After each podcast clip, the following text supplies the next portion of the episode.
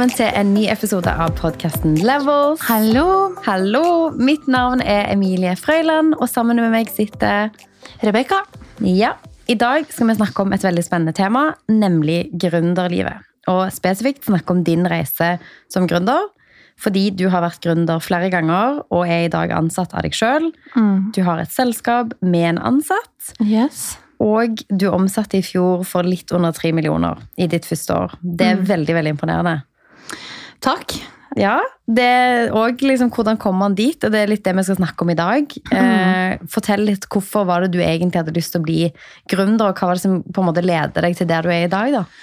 Altså, jeg, tror, jeg tror liksom sånn Det å bli gründer, det er liksom veldig mange som spør liksom, hvordan gjør man det. For meg så har det liksom bare vært veldig naturlig. Det har på en måte bare skjedd. Eller jeg har jo jobbet hardt for det, men hvis vi ser liksom tilbake fra, fra når jeg var liten, da, og alle skulle liksom finne ut av hva de skulle bli, så syntes jeg det var så ekstremt vanskelig, for jeg hadde lyst til å bli så mange ting.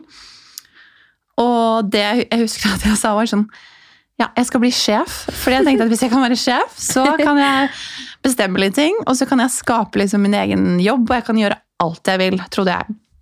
Og det er, jo ikke så veldig langt fra det er jo ikke så veldig langt fra det jeg gjør i dag, men, men det var liksom sånn, jeg kunne ikke komme på bare én jobb da, som var sånn åh, jeg vil bli tannlege, eller jeg vil bli det. For jeg ville jo bli så mange ting. Jeg ville bli frisør, jeg ville bli baker, jeg ville, ville bli veterinær, jobbe med medisin, altså sånne ting. Og det å bli gründer er jo også litt sånn her, ok, hva er du god på, og hva liker du?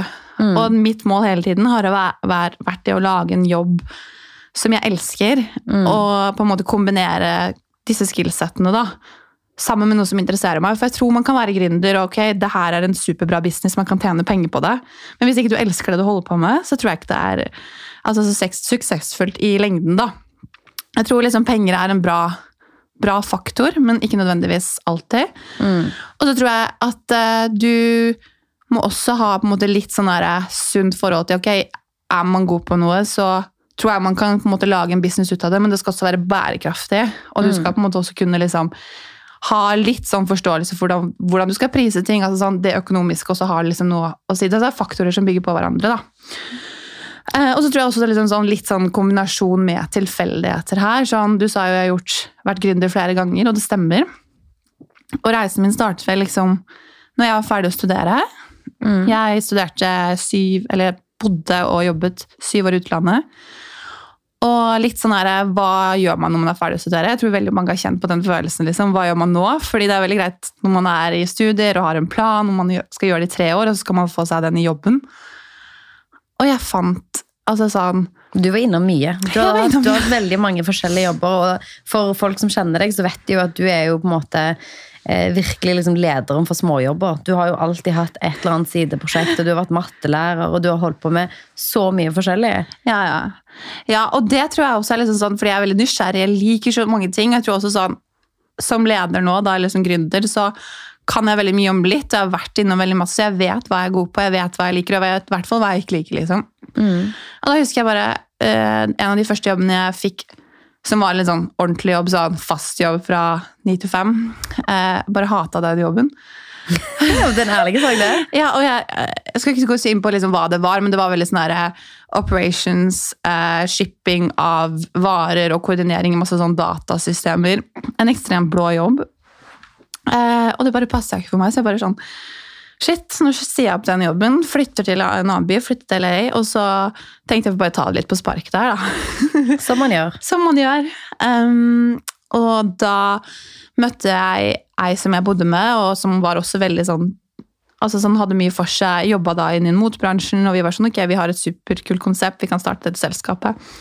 Og det gikk veldig bra, og da fikk jeg veldig smaken på det der å drive for seg selv. Altså Det var den hardeste jobben jeg noen gang har gjort, å på en måte bygge opp noe, men på en måte også mest den som har gitt mest, fordi du ser at det går. Innen et år da så jobbet vi alle, liksom, alle kontinenter stort sett, og hadde bra kunder, og liksom sånn, vi fikk det til da.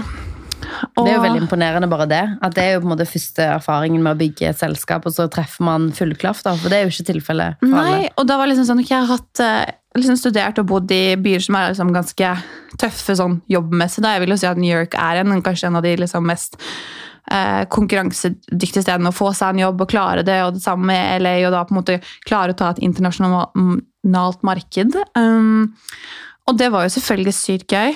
Eh, og så fant jeg ut at ok, det her klarer jeg, det, det her går bra. Det var liksom blanding av det å være litt leder, finne litt ut av ting, jobbe med ting jeg interesserer meg for. Det var et fashion management-selskap. Eh, så det var liksom mye kreativt her også som jeg elsker, men det var kanskje ikke den bransjen jeg ville inn i, da. Men, men en god erfaring, da. Så du har nå bodd i LA, du har startet dette selskapet, du kommer tilbake igjen til Norge. Hva er det som skjer som neste steg? Nei, da kommer man jo liksom hjem igjen da, etter syv år i utlandet og må starte litt på nytt og prøve å finne litt ut av ok, um, hva skal jeg gjøre her? Da drev jeg jo dette selskapet liksom Det var jo liksom sånn, det er ikke sånn at man bare slutter helt, man, det blir jo liksom sånn myk overgang. Ehm, og jeg var sånn, ok, får bare få meg en eller annen sidejobb til jeg på en måte finner et sted å bo, finner ut av hva jeg vil. Og så er det liksom noe med det at i Norge så er markedet ganske lite. Og det er liksom Man er avhengig av litt kontakter. Jeg hadde ikke så mye kontakter her som i hvert fall drev innenfor det jeg likte. da. Ja, For du kom egentlig tilbake igjen uten at du hadde noe profesjonelt nettverk eller Ja. egentlig noen referanser eller tidligere jobber i Norge. da. Nei, Så det må jo ha vært ganske tøft. Ja, alt fra utlandet. Jeg husker jeg skulle begynne å søke på noen jobber. og i min, altså sånn, I min periode i utlandet så har jeg hatt masse internship og jobba masse organisasjoner. og jobbet, altså Jeg har hatt veldig mange kule jobber som er sånn internship-jobber. på en måte. Um, så jeg vil jo si at CV-en min også var ekstremt bra. Så det var jo ikke det. Eh, men det var sånn også litt sånn sånn tilbake når man er ti år. da, Jeg bare jeg finner ingen jobber som jeg syns er spennende. Eller noen ting jeg altså, liker. Og ja, så havna jeg liksom ved litt tilfeldigheter inn i eventbransjen. Mm. Det er jo veldig kreativt. Veldig kreativt. og jeg må si at jeg elsker den bransjen, fordi du har en sånn fin kombinasjon av det å være kreativ, det skjer masse, du møter folk, eh, bygger nettverk veldig fort, det var gøy. Um, Da jobba jeg liksom som prosjektkoordinator, og jeg føler liksom at den kanskje jobben var det er fælt å si det, men jeg følte at jeg var kanskje overkvalifisert til en sånn jobb. Men det du gjør er at du gikk jo veldig inn, og så leverte du mye mer. Mm. Du drev med liksom eh, kreativ rådgivning og lagde konsepter og gjorde veldig mye annet enn det som egentlig var arbeidsbeskrivelsen. Og det må jo òg ha på en måte liksom vist deg litt at ok, kanskje det er noe her, kanskje det er på en måte noe som kan bli til det som du i dag jobber med. da. Ja, og det var jo liksom litt sånn der, Man lærer å kjenne et marked, man kartlegger litt behov, man får testa litt skillsettene eh, sine, man liksom får prøvd seg litt. da, Og sånn som du sier, da, man oppdaget jo veldig fort at eh, at man kunne gjøre mye mer, og det tror jeg liksom menneskene også rundt deg tør, da, eh, å satse på deg på en måte litt.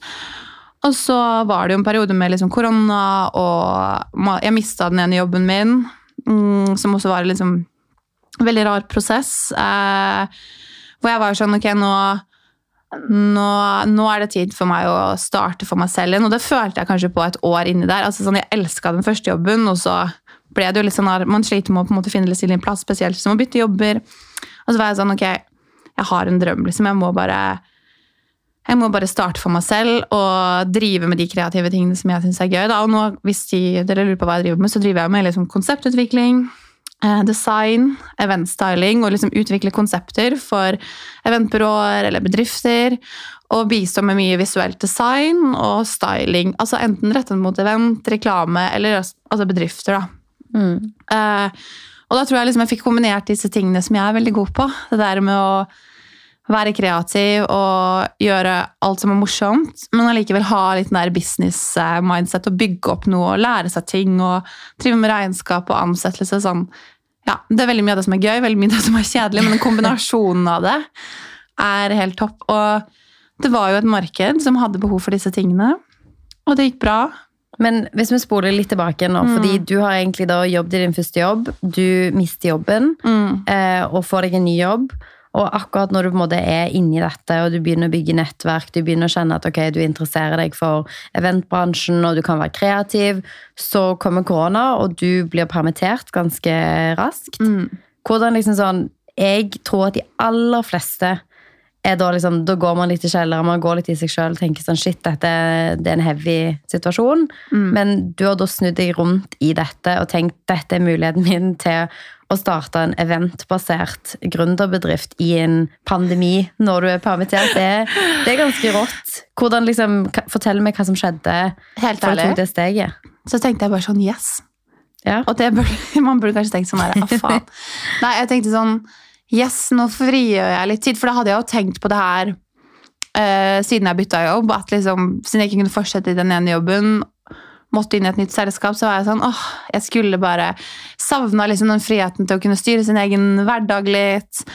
Jobbe for seg selv. Det er noe ekstremt motiverende med det. altså sånn jeg jobber jo sikkert mer enn alle vennene mine, bortsett fra deg, stort sett. Fordi ja, Med noen unntak, så klart, men fordi man liksom har en helt annen drive eller motivasjon. Alle pengene jeg tjener, går tilbake til å bygge mitt selskap. da, Eller tilbake til hvordan jeg kan få det til. Og det jeg ikke tjener også, selvfølgelig, det går jo på bekostning av meg. men det er noe med det som jeg finner så sykt givende. Og da tenkte jeg at når dette skjedde, så tenkte jeg ok, da må jeg bare ta den situasjonen for det det er.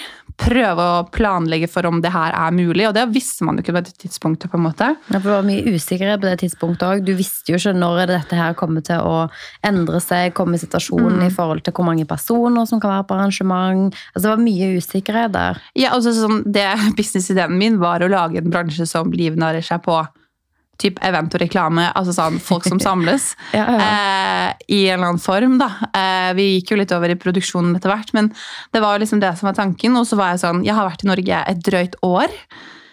Er nettverket mitt eh, stort nok? Altså sånn, Tør folk å jobbe med meg eller satse på meg? Altså, Er man god nok? Disse tingene. Men, men jeg bare tenkte sånn Hvis jeg gjør alt jeg har, og hvis jeg, er, hvis jeg tror på det, og hvis jeg liker det og basert på litt den feedbacken da, man har fått det siste året, så var det sånn det verste som kan skje, er at uh, man ikke får det til, og så får man bare få seg en vanlig jobb da, i gåseøynene igjen. Mm. Eller ikke. Men jeg tror min største liksom, faktor var det der Ok, jeg hadde angra så sykt på det å ikke prøve. Ja, men det er veldig mange som hadde tenkt motsatt. At de hadde ja. tenkt at ok, eh, worst case scenario, så går det helt liksom så det går under og personlig konkurs. Og man tenker liksom veldig på den verste tingen som kan skje. Da, mens mm. du tenker ok, hvis, hvis, dette ikke fungerer, så, så finner jeg en, en, jobb, og jeg vet at jeg er dyktig nok til å få meg en jobb. Og det er jo en veldig bra måte å se på det på, da. For da får Absolutt. man eh, litt perspektiv. Men ja. så, Du kaster deg ut i dette, du starter et selskap og bruker det nettverket som du har til å få inn noen jobber. Hvordan i forhold til det du hadde tenkt at selskapet ditt skulle være når du lanserte, mm. hvordan følte du at du på en måte måtte endre deg da, når disse tingene som er sykt usikkert, som korona f.eks. Hvordan var det du måtte justere det du tenkte at Backart, som er ditt selskap, skulle være? Uh, litt det der med å kanskje definere det litt tydeligere. Hva slags tjenester man leverer. på en måte, litt sånne ting. Uh, også fordi at det hele tiden selvfølgelig er en usikkerhet der, at du vet ikke hva som skal skje neste måned. Men jeg vil jo si at utgangspunktet jeg hadde, kunne ikke vært noe dårligere. på en måte. Eh, det er det jo selvfølgelig nå, fordi nå er man avhengig av å, å, å, gi lønn. Ikke bare til meg selv, men andre ansatte, eller en ansatt og frilansere og hele den pakka. Men, men eh, altså, jeg, jeg, tror jeg hele tiden måtte, måtte justere meg litt sånn etter markedet, litt etter hvordan verden endrer seg, og på en måte at vi var vi var kapable for det. da, og på en måte, ok, det her er situasjonen nå, men hvordan kan man fortsatt være en ressurs? Ok, Disse her selskapene som man potensielt ville, ville jobbet sammen med, hva er det de gjør nå? Hvordan kan man bistå?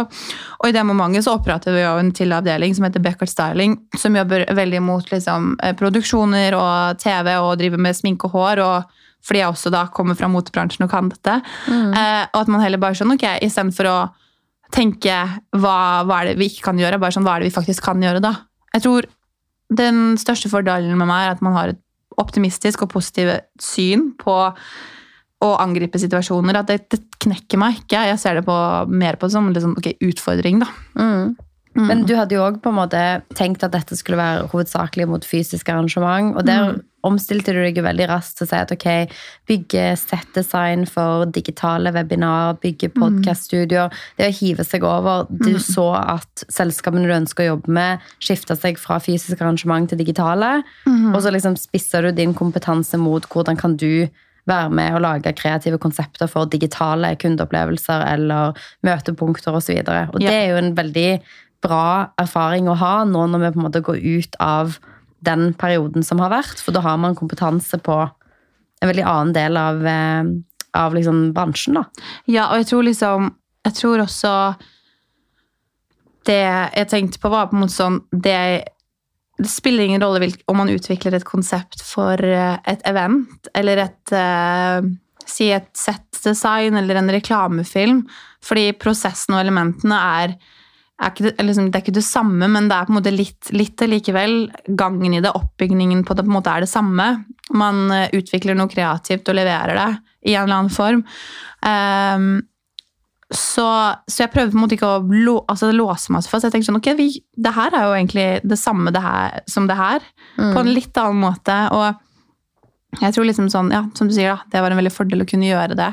Mm. Det er jo en måte du òg tenker. Du tenker positivt, du tenker 'dette her får vi til'. Mm. Du tenker løsninger. Så det er jo en kjempestyrke som du har som personlighetstrekk. Men nå har vi på en måte, du har gått inn i alt dette. Det har gått overraskende bra. Jeg husker veldig godt en samtale som vi hadde. Eh, jeg husker to. Den ene var at du fortalte at du hadde starta for deg sjøl. Så tenkte jeg bare, hva er det den dama her ikke kan? Og så eh, husker jeg at du var bare sånn, ok, jeg har et hårete mål om 500 000 i omsetning i mitt første år. Og du bare var sånn, ok, dette her er liksom, det er en stretch, det er mye penger. Du ante jo ikke på en måte hva som kom til å skje når du valgte å gå ut for deg sjøl. Og hva, du satte deg et veldig stort mål. Hva skjedde? Fortell.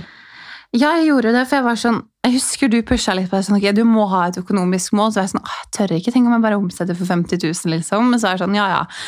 So it. Så er jeg sånn, ok, får bare kjøre på, da. 500 000, liksom. Og grunnen til at jeg valgte nummeret, var fordi det er typ en average gjennomsnittslønn for veldig mange. Og jeg tenker sånn startup, ganske ny i gamet. Hvis jeg klarer å omsette for det, og tross pandemi, som det var på det tidspunktet, man visste ikke helt hvordan ting utviklet seg, så skal jeg være fornøyd. Men det målet hadde, vi, hadde jeg nådd jeg tror det var slutten av mai, først, i hvert fall innen 1. juni eh, i fjor. Og da var jeg sånn Oh shit. Altså sånn, da har man jo over halve året igjen, så jeg var uh, Da var jeg også veldig fornøyd, og så ga det en sånn der Ok, det her går jo bra, liksom. Det, Du fikk en boost av det. jeg fikk en boost av det, og så var jeg sånn Shit, jeg har klart liksom å bygge opp noe i en periode hvor liksom ingenting er oppe og går, mer eller mindre, i en bransje som er helt nede. Det er imponerende. Og jeg klarte å nå målet mitt eh, innen liksom, ja, fem måneder inn på et år. da, Syv måneder igjen. Men da, ja. for at du når det målet, det husker jeg veldig godt. Og da ville jeg i hvert fall tenkt at de fleste folk ville da sagt at ok, jeg vet jo ikke hva som kommer til å skje nå, så jeg, jeg skrur opp det målet litt, da. Kanskje 750 eller noe sånt. og liksom tenker ok, ja, man vet jo aldri, kanskje jeg har hatt flaks, liksom. Og, jeg kan vet, men du er bare sånn, nei, nå er det én million som er målet. Så jeg bare ok, du kjører en dobling, rett og slett. Og hvordan gikk det? ja, fordi jeg var sånn Det er to måneder her som kommer til å gå bort til sommer cirka. Mm. da er det ganske stille og rolig. Sånn i hvert fall i kreative bransjer. Um, men så var jeg sånn For å pushe meg selv litt, da, så doble det egentlig. For jeg tenkte realistisk sett, hvis vi følger, følger trenden som har vært nå de siste fem månedene, så bør jo det være mulig. Og det klarte vi, det. Innen, Eller vi, sier jeg. Fordi, jo, jeg sier vi, fordi i denne prosessen her så har det vært meg som på en måte da jobbet alene, men jeg hadde med meg jo frilansere, jeg hadde med crew. altså sånn, Jeg føler at vi hele tiden har jobbet som en team med samarbeidspartnere, med de som må tørre å satse på meg. da, Så jeg føler at ja, vi har fått det til. Um, Det er veldig Men ja. imponerende. innen slutten av august eller midten av september så hadde vi klart det målet også. Og så skjer det noe, fordi da er du på en måte på et punkt hvor du ser at ok, du, du må si nei til litt jobber fordi at det er deg. Og så tar du liksom spring ut og velger å ansette noen. Fortell om på en måte hvordan var avveiningen der. Det var jo veldig skummelt, fordi en ting er sånn her, ok, greit, det har gått bra, fått til ting, men det koster jo også. ikke sant? Du lærer deg hvor mye ting faktisk koster, og det er jo en ting som man lærer som gründer, at det koster å ha en business i Norge. Um, og jeg kommer fra USA, hvor eller ikke kommer ikke fra USA, men har jobbet i USA, hvor på en måte det systemet er noe helt annet. Det er lettere å tjene penger fordi man ikke har så mye skatt og sånn. og Skatt er en bra ting, men jeg var jo også veldig redd, fordi jeg kan godt gå en måned uten å betale meg selv lønn, for jeg kan hente det inn. Det, ordner seg. Men det å ta på seg ansvaret for at en person til ikke skal få lønn, eller ikke kunne betale regningen ikke, altså sånn, Det føles skummelt, kan jeg se for meg. Ja, fordi jeg føler sånn er, jeg, føler, jeg føler nok på det ansvaret veldig. Eh, men så var jeg sånn, vi har så mye å gjøre. Jeg, jeg klarer ikke å ta alt alene. Det er en ting der jeg, jeg er nok veldig dårlig til å si nei, um, som jeg har blitt bedre på, men jeg var sånn Det skal også leveres godt, og for å kunne levere bra på alle jobber, det er liksom sånn som er så viktig for meg, da, eh, så må vi ha en person til. Mm. Og jeg visste jo ikke hvordan det skulle gå de neste månedene, eller om han klarte det. Eller, så, men så var jeg sånn Hvis jeg ikke anser en til noe, så går jeg under. Fordi jeg sov ikke, trente ikke altså sånn, Man hadde ikke noe liv, og det var kjempegøy, men det er jo ikke bærekraftig over lang tid. Så da var jeg sånn Nå må jeg, nå må jeg ansette en til. Men det er bra at du stopper deg sjøl, for veldig Ja. mange kjører nok det løpet enda lenger, strekker strikken enda lengre og Ja. kjenner på det personlige at ok, vet du hva, jeg eh, er sliten, jeg har ikke overskudd, jeg klarer ikke å være kreativ. Mm. At du faktisk var sånn, vet du hva, for å kunne vokse dette her, så er jeg nødt til å ha en person til på teamet. Ja. Så det gjorde du, du ansatte noen, ja. og nå er vi liksom i høst cirka. Ja, eh, hun begynte fast 1. oktober, men da hadde hun jo vært med liksom på kontrakt. da, Litt sånn og prosjektbasert, men da var det sånn ok, du skal få en fast ansettelse, i hvert fall ut året, for da turte jeg liksom å ta den, den risikoen. Jeg bare sånn, ok, tre måneder. Det klarer du. Klarer det. Men mm. hvordan er du i forhold til målene dine da? Fordi det siste målet du hadde var en million, og da kom du i kjent stil og var bare sånn Det var ikke sånn ja, nå skal det være en og en halv, eller nå skal det være Du var sånn eh, nå er det to.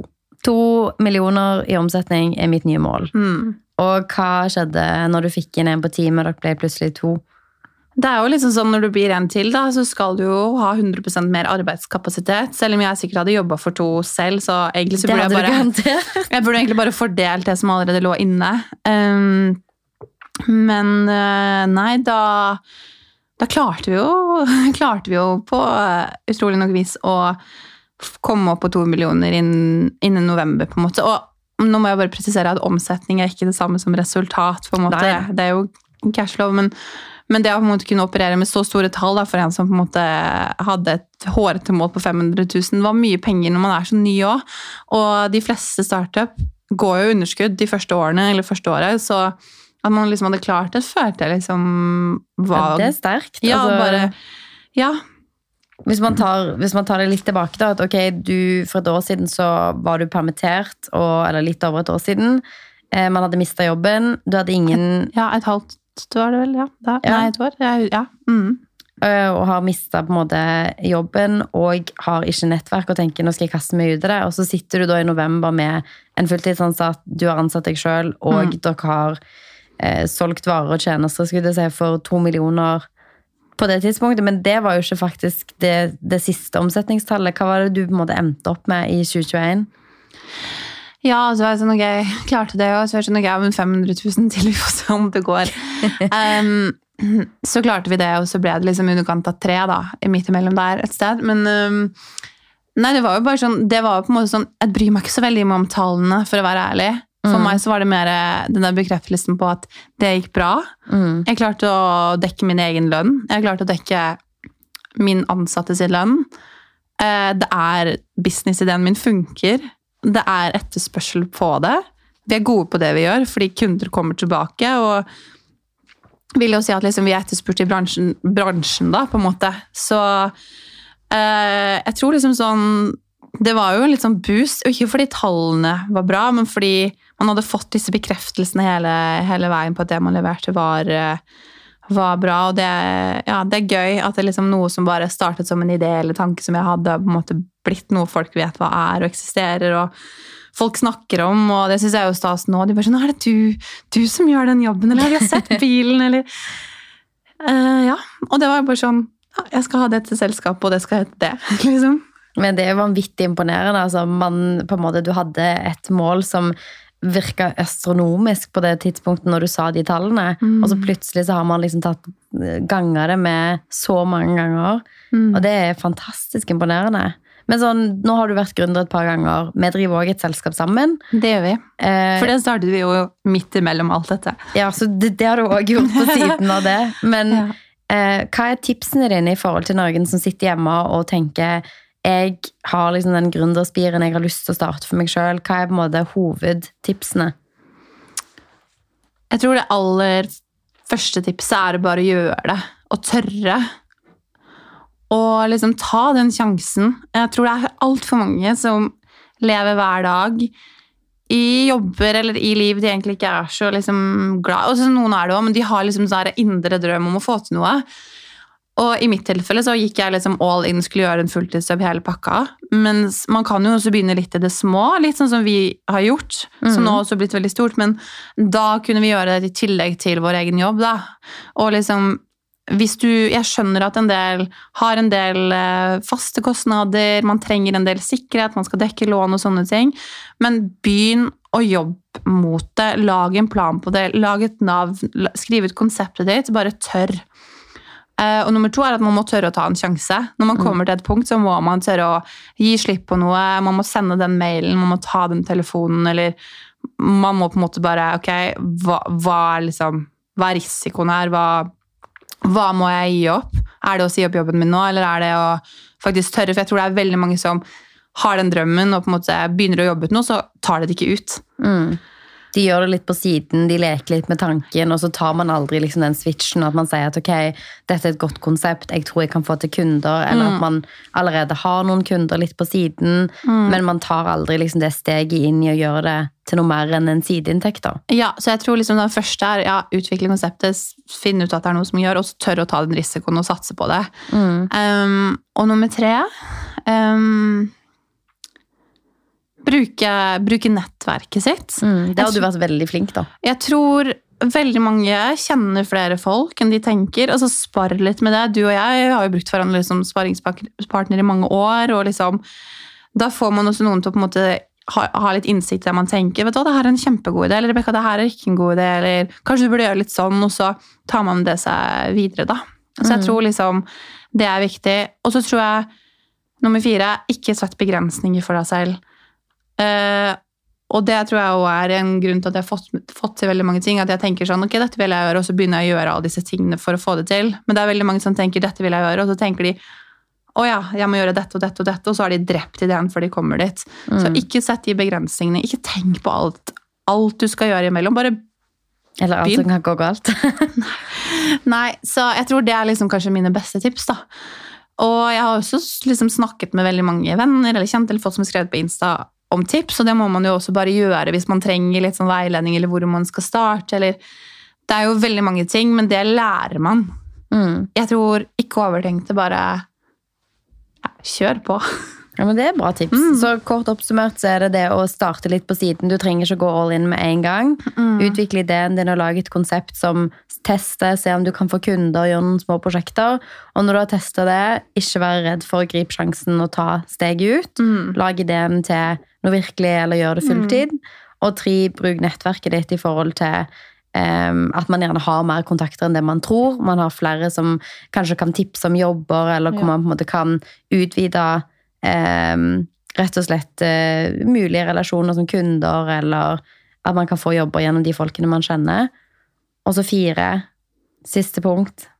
Ikke sett begrensninger for deg selv. Perfekt! Ja. Gode Jeg tips. tror det. Jeg tror det. Um, og vi trenger liksom flere gründere. Vi trenger folk som starter og tør å utfordre litt. Og jeg tror det er kjempesunt. Mm. Det er en veldig spennende måte å kunne være kreativ på å lage Sånn som du, da. Du har lagd et eh, behov for eh, sånn alt mulig person som på en måte kan hjelpe til alt fra settdesign til konseptutvikling til reklame. Altså, Du kan gjøre så mye, da. Og det er jo fordi at du har hatt en idé, og så har du testa markedet, og så har du fått en respons om at jo da, dette her er noe som eh, flere kunne tenkt seg å Absolutt. Og jeg føler jeg er veldig heldig, fordi som jeg sa til han, drømmen min da jeg var ti år, var å være sjef. Og kunne gjøre sykt mye forskjellig, og nå gjør jeg jo akkurat det. Så ja, uten å liksom sånn Det er ikke sånn at man bare er én ting. Jeg har veldig mange ting. Um, Du har mange bindestreker i din tittel. Ja. og eh, det er gøy. Jeg føler liksom Selvfølgelig jeg føler at jeg jobber, men jeg føler at det, noen ganger så tenker jeg ikke på at man er på jobb fordi man elsker det man gjør, da. Det er jo drømmen. Og det håper jeg at veldig mange andre også føler på. Det bør være sånn. Selvfølgelig ikke hver dag, det går ikke an, men det går faktisk an å ha det fire av fem dager i uka. Det er veldig bra. Men Mm. tusen takk for at du har delt historien din, og vi kommer nok til å snakke om flere av de temaene du har vært innom på andre Absolutt. episoder òg. Ja. Eh, hvis dere har spørsmål til Rebekka eller til meg om gründertilværelse, det å si opp jobben, eh, det å ansette for første gang, starte for seg sjøl, send oss en melding på Levelspodden på Instagram eller på min eller Rebekka sin profil. Yes. Vi snakkes neste uke. Det gjør vi. Ha, det. det.